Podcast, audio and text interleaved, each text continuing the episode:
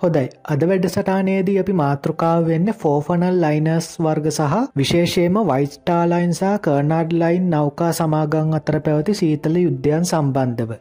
මේ වගේ වැඩසටානක් ගෙනෙන්න හේතු වනේ මගේ අදහසක් තියෙනවා ඉස්සරහදී සුප්‍රසිද්ධ ලුසිටානයා කේදවාචකය ගැන වැඩසටාන් මාලාවක් සිද්ධ කරන්න. ඒ වැඩසටාන් මාලාවට පූරිකාවක් විදිහටත් ඒ වගේම අපේ කලින් වැඩසටාන වුණු ඒ ඇන ටයිටනික් කේදවාචකයේදී අපි ටයිටනික් නෞකාව සම්බන්ධවත් කියවුණ. වගේම අපි එස් කැලිෆෝනියන්සා කාපේතිය නෞකා ගැනත් සඳහන් කරා. ඉතිං අපේ කලින් ඔය ටයිටනික් නෞකාව ගැන කියවිච්ච නිසා නිසා ටයිටනික් නෞකාව එහෙමනැත්නම් අපේ කලින් වැඩසටානට පසුවදනක් විදිහටත් තමයි අද වැඩසටාන ගෙන එන්නේ. මොකද අපි අද වැඩසටානයේදී සාකච්ඡා කරන වයිස්ටාලයින් සමාගමෙන් තමයි අපි පසුගිය වැඩසටානයේදී සාකච්ඡා කරපු ටයිටනික් නෞකාව නිර්මාණය කළ ඒවගේම අපි ඉදිරි වැඩසටානකදී සාකච්ඡා කරන ලුසිටානියා නෞකාව කර්නාඩ් ලයින් සමාගමෙන් තමයි නිර්මාණය කළේ. ඇයට අතීතයේ ඉදලා ලෝකයේ මේ දක්වා නිර්මාණය වෙලා තියෙන නෞකාවර්ග අතරින් අති ජනප්‍රියම වර්ගය විදිහට තමයි මේ ෆෝෆනල් ලයිනස් වර්ගය හඳුන්වන්නේ. මේ වර්ගය නිර්මාණය වුණේ එක්දා සටසි අනු හතාවුරුද්දෙන් පස්සේ. ෆෝෆනල් ලයිනස් කියලා හඳුන්වන්න සාමාන්‍යයෙන් දුම් පයිප්ප හතරක් තියෙන නෞකාවලට. එතකොට එක්දස් නමසය පහුවෙනවත් එක්කම විශාල නෞකා නිර්මාණය ස්වර්ණමය යුගය උදාවෙනවා. මේ නිසා එක්දස් නමසීයෙන් පස්සෙ නිර්මාණය වුණු විශාල නෞකා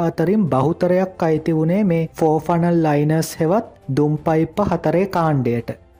ඊට අමතරව පයිප්ප හතරේ නැව් අතරින් මුල් පෙළේ ඉන්න නැව්වල බාහිරාකෘතිය බොහෝ විට බැලූ බැල්මට එක හා සමාන වෙන්න පුළුවන්. ඒ නිසා ගොඩක් නැව් බැලූ බැල්මට එක පාරින්ම අදුරගන්න අමාරුයි. මේ වර්ගේ නෞකාතරින් අති ජනප්‍රියතම නෞකාව තමයි ටයිටනික් නෞකාව.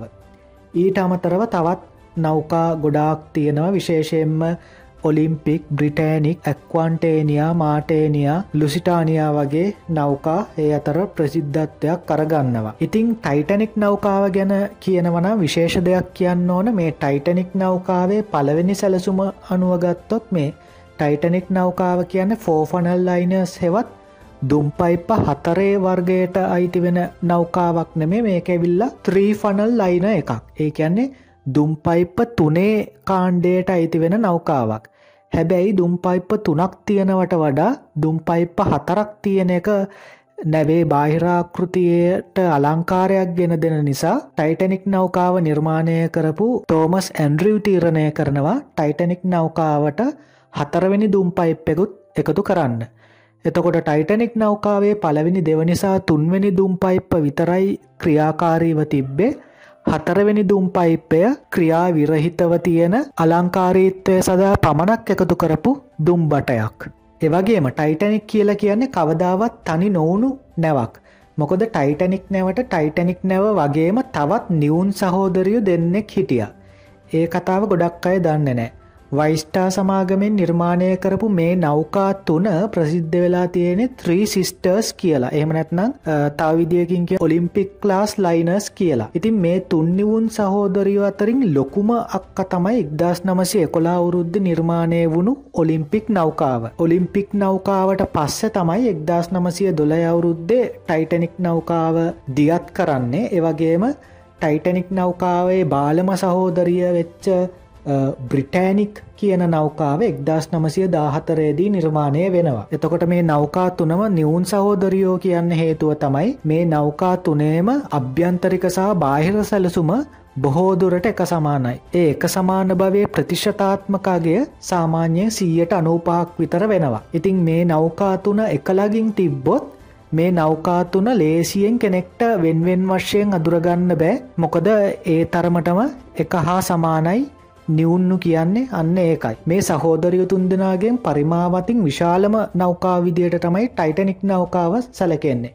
එක්දස් නමසය දොළහ අවුරුද්දේ මේ ටයිටනික් නෞකාව ගිලෙන විට ටයිටනික් නෞකාව ප්‍රචිලිත වෙලා තිබ්බේ ලෝකයේ තියෙන විශාලතම නෞකාව විදිහට. එක්දස් නමසය දාහතර අවුරුද්ධ නිර්මාණය වුණු බ්‍රිටෑනික් නෞකාව ටයිටනික් නෞකාවටත් වඩා විශාල නෞකාවක්. එහෙම ගත්තම එහෙම ගත්තම මේ නිවුන් සහෝදරියන්ගෙන් විශාලතම නෞකාව තමයි බ්‍රිටෑනික් නෞකාව එවගේම ටයිටනික් නෞකාව දෙවන ස්ථානය පසු වෙනවා තුන්වන සහ අවසාන ස්ථානය පසු වෙන්නේ මේ තුන්නිවුන් සහෝදරයන්ගේ වැඩිමහලු අක්කා වෙච්ච ඔලිම්පික් නෞකාව. එතකොට මේ කලින් කියපු වර්ෂානු ඔගොල්ලොන්ට තේරෙන්න ඇති එක්දස් නමසය දාතරය බ්‍රිටෑනික් නෞකාව දියත් කරනකොට ටයිටනික් නෞකාව ඒ වෙනකොටත් මුහුදුබත් වෙලා ඉවරයි මොකද එක්දස් නමසය දුලහිදි තමයි ඒ ඒදවාචකය වෙන්නේ. බ්‍රිටෑනික් නෞකාවත් ටයිටනික්සා ඔලිම්පික් නෞකාවගේ ඒ පාටිංම වර්ණාලේප කල්ලා තිබ්බත් බ්‍රිටෑනික් නෞකාවට මගී නෞකාවක් විදියට ප්‍රවාහන කටයුතු කිරීමේ වරම අහිමි වෙනවා මොකද ලෝක යුද්ධ ආරම්භයත් එක්ක බ්‍රිටෑනික් නෞකාව රෝහල් නෞකාවක් විදිහට භාවිතයට ගන්නවා. ඒ නිසා රෝහල් නෞකාවල තියෙනවා සම්මත වර්ණයන් ඒ කියන්න සුදුවර්ණය එවගේම රතුපාට දන ලකුණ ආදී වශ්‍යයෙන් ඒ නිසා ඒ ජාත්‍යන්තර ප්‍රමිතියට අනුව රෝහල් නෞකාවලට ආලේප කරන වර්ණාලේපයක් බ්‍රිටෑනික් නෞකාවට ආලේප කරනවා. ඉතිං ටයිටනික් නෞකා වගේම බ්‍රිටෑනික් නෞකාවත් මුහුදුබත් වෙනවා. ටයිටනික් නෞකාවනං ස්වභාවික වස්තුවක් නිසා තමයි මුහුදුබත් වෙන්නේ. තමයි අයිස්කන්දක් නිසා. නමුත් බ්‍රිටෑනික් නෞකාව මුහුදුබත් වෙන්න කෘතිම වස්තුවක් නිසා. ඒ තමයි ජර්මානුවන් විසින් අටවලා තිබ්බ මුහුදු බෝම්බයකට හෙමනැත්නම් අපි සාමාන්‍යයෙන් කියනො සීමයින් කියලා. මේ සීමයින් එකකට ගොදුරු වෙලා. හැබැයි විශේෂත්වය තමයි මේ ටයිටනික් කේදවාචකය නිසා ඔලිම්පික් නෞකාවේ තියෙන බෝට්ටු ගණන විශාල ප්‍රමාණයකින් වැඩි කරා. ඒවගේම උපාංග කීපයක් සවිකල්ල තිබ්බා. ඒ නිසා ඒ උපාංග ඔස්සේ පුළුවන්කම ලැබෙනවා. බෝට්ටු දියත් කරද්දී ඒ උපාංග ඔස්සේ අපි නිකන් සාමාන්‍යයෙන් ක්‍රේන් වගේ උපාංග. එතකොට ක්‍රේන් ආධාරයෙන් බෝට්ටු මුහුදට පාත් කරන්න. ඒ නිසා ඒ වෙනකොට බ්‍රිටෑනික් නෞකාවේ ගමන්ගත්තු ජීවිත විශාල ප්‍රමාණයක් බේරාගන්න පුළුවන්කම ලැබුණ ඒ පෙර අත්දැකීම් නිසා පෙර සූදානමින් හිටපු නිසා. ඔලිම්පික් නෞකාව අවුරුදු විසිපහකට ආසන්න සේවයකින් පස්සේ එක්දස් නමසය තිස් පහවුරුද්දෙ ගෞරවාන්විතව විශ්‍රාම යනවා. ඊට පස්සේ දැන් අපි ඉස්සරාදී කතා කරන්න බලාපොරොත්තු වෙන ලුසිටානිය නෞකාව ගත්තොත් මං ලුසිටානිය නෞකාවේ කතාව ඒ කියන්නේ කොහොමද හැදුනේ දිග පලල වගේ මිනුම්? එතකොට ඒ නෞකාවේ තියෙන පහසුකම් ගමන් කරන්න පුළුවන් මගින් ප්‍රමාණය වගේ ඒ දේවල් මං මේ වැඩිසටානයේදී කතා කරන්න හැ මොකොද ඉදිරි වැඩසටානකදී ඒ කියන ලුසිටානියා කේදවාචකය විස්තර කරන වැඩසටාන් මාලාවේදී මං ලුස්ටානිය නෞකාවේ මේ දේවල් ගැන කතා කරන්න ඉන්න නිසා ඒ නිසා අපි තවටිකක් ඉස්සරාට ගියොත් ලුසිටානිය නෞකාවටත් නිවුන් සහෝදරියන් දෙන්නෙක් ඉදල තියෙනවා. ලුසිටානිය නෞකා වගේම එතකොට අනිත් නව දැන් ටයිටනික් නෞකාව එතකොට ඔලිම්පික් බ්‍රිටෑනික් නෞකා තුන නිර්මාණය වුණේ වයිස්ටාලයින් සමාගමෙන්. මේ ලුසිටානිය නෞකාවසා මේ ලුසිටානිය නෞකාවේ සහෝදරියන් දෙදෙනා නිර්මාණය වෙන්න කර්නාඩ් ලයින් සමාගමේ එතකොට එක්දස් නමසය හයේ නිර්මාණය වුණු මාටේනියන් නෞකාව තමයි ලුසිටානියා නෞකාවේ නිවුන් සහෝදරිය එවගේම විශාලතම සහෝදරිය වෙන්නෙත්.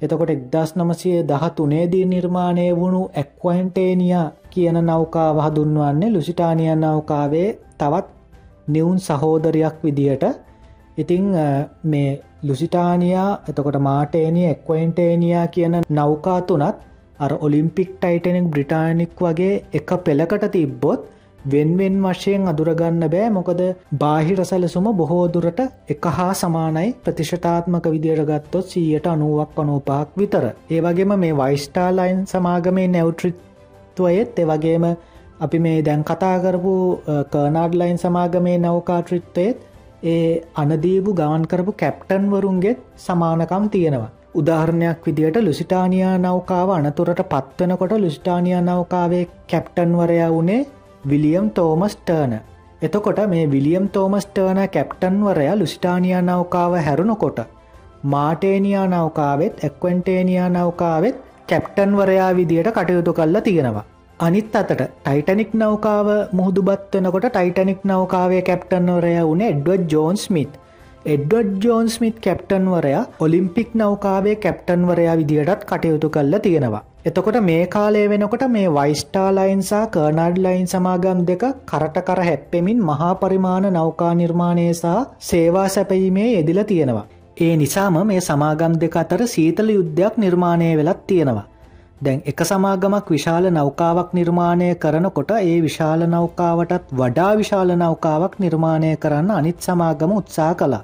ඉතින් මේ වගේ සීතල යුද්ධ නිසා මේ කාලේ මහා පරිමාණයේ නෞකා නිර්මාණය වීමේ ශීඝ්‍රතාවය ගොඩක් කියලා ගිහින් තියෙනවා. විශේෂයෙන්ම ෆෝෆනල් ලයිනර්ස් හෙවත් දුම් පයිප්ප හතරේ නෞකා. උදාහරණයක් විදිහට වයිට් ස්ටාර් ලයින් සමාගමෙන් නිර්මාණය කරපු ඔලිම්පික් නෞකාවට උත්තරයක් විදිහට තමයි කර්නාඩ් ලයින් සමාගමෙන් ඔලිම්පික් නෞකාවටත් වඩා විශාල විදිහට එක්වෙන්ටේනියා නෞකාව නිර්මාණය කරන්නේ. ඒවගේම කර්නාඩ් ලයින් සමාගමෙන් නිර්මාණය කරපු මාටේනියා නෞකාවට උත්තරයක් විදිට තමයි වයිස්ටාලයින් සමාගමෙන් ටයිටනික් නෞකාව නිර්මාණය කරන්නේ. ඉතින් ඔන්න ඕක තමයි අද දවසය අපේ වැඩසටාන ඉතිං අද දවසේ අපේ වැඩසටානයේදී අපි අපේ පූර්විකාවෙත් කිව්ව වගේ කලින් පසුගේ වැඩසටානයේදී අපි එස් කැලිෆෝනියන් නෞකාව ගැන කතා කරන ගමන් ටයිටනික් නෞකාව ගැනත් බොහොම සුළුවෙන් කතා කරා එවගේම ඉදිරියේදී අපි පූරිකාවේදී කිව්ව වගේම ලුසිටානයා කේදවාචකය ගැන වැඩසටහන් මාලාවක් ගෙන එන්න නියමිතයි. එතකොට ඒ ඉදිරියේදී සාකච්ඡා කරන ලුසිටානියන් නෞකාව ගැනත් ලුසිටානියන් නෞකාවේ නිවුන් සහෝදරිය ගැනත් අපි සුළුවෙන් මේ වැඩසටානයේදී සාකච්ඡා කරා ටයිටනික් නෞකාවෙත් නිවුන් සහෝදරියන්ව හඳුන්වා දෙන ගමන්. එවගේම වයිස්ටාලයින් සමාගමසා කර්නාඩ්ලයින් සමාගමේ සීතල යුද්ධයන් ගැන සහ මේ නෞකා නිර්මාණය වෙන්න හේතුවෙච්ච මූලබීජය ගැනත් අපි අද වැඩසටානයේදී සාකච්ඡා කරා. එතකොට ටයිටනික් නෞකාව එතකොට ඔලිම්පික් බ්‍රිටෑනික් ලුසිටානයා මාටේනිය ඇක්වන්ටේනියා වගේ නෞකා වල තියෙන සමානාත්මතා ගැන එතකොට මේ ෆෝෆනල් ලයිනර්ස් සම්බන්ධව අපි කතා කර. ඉතිං මං හිතනවා අද වැඩසටානයේදී ඕගොල්ලොන්ට දැනුමක් ලැබෙන් ඇති කියලා දැම්මීට සුළුමෝතකට කලිනුත් මතක් කරා වගේ අපි අද වැඩ සටානයේදී අපි සුළුවෙන් කතා කරපු ලුසිටානිය නෞකාව ගැන ඉදිරියේදී වැඩසටාන් මාලාවක් කොස්සේ පුළුල්ව සාකච්ඡා කරමු. ඉතිං ඕගොල්ලෝ අමතක නොකර මගේ YouTube චැනල් එක සබස්ක්‍රයිබ් කරන්න හෙම වුණොත් ඉදිරියේදී කරන වැඩසටාන් වලට ඕගොල්ලොන්ට සහභාගී වෙන්න ඒවාට ඇහුන්කන් දෙන්නේ ඔස්සේ ඕගොල්ලොන්ට දැනුමක් ලබා ගන්න පුළුවන්කම ලැබේ. ඉතිං අදට මෙපමණයි හැමෝටම සුබදවසක්.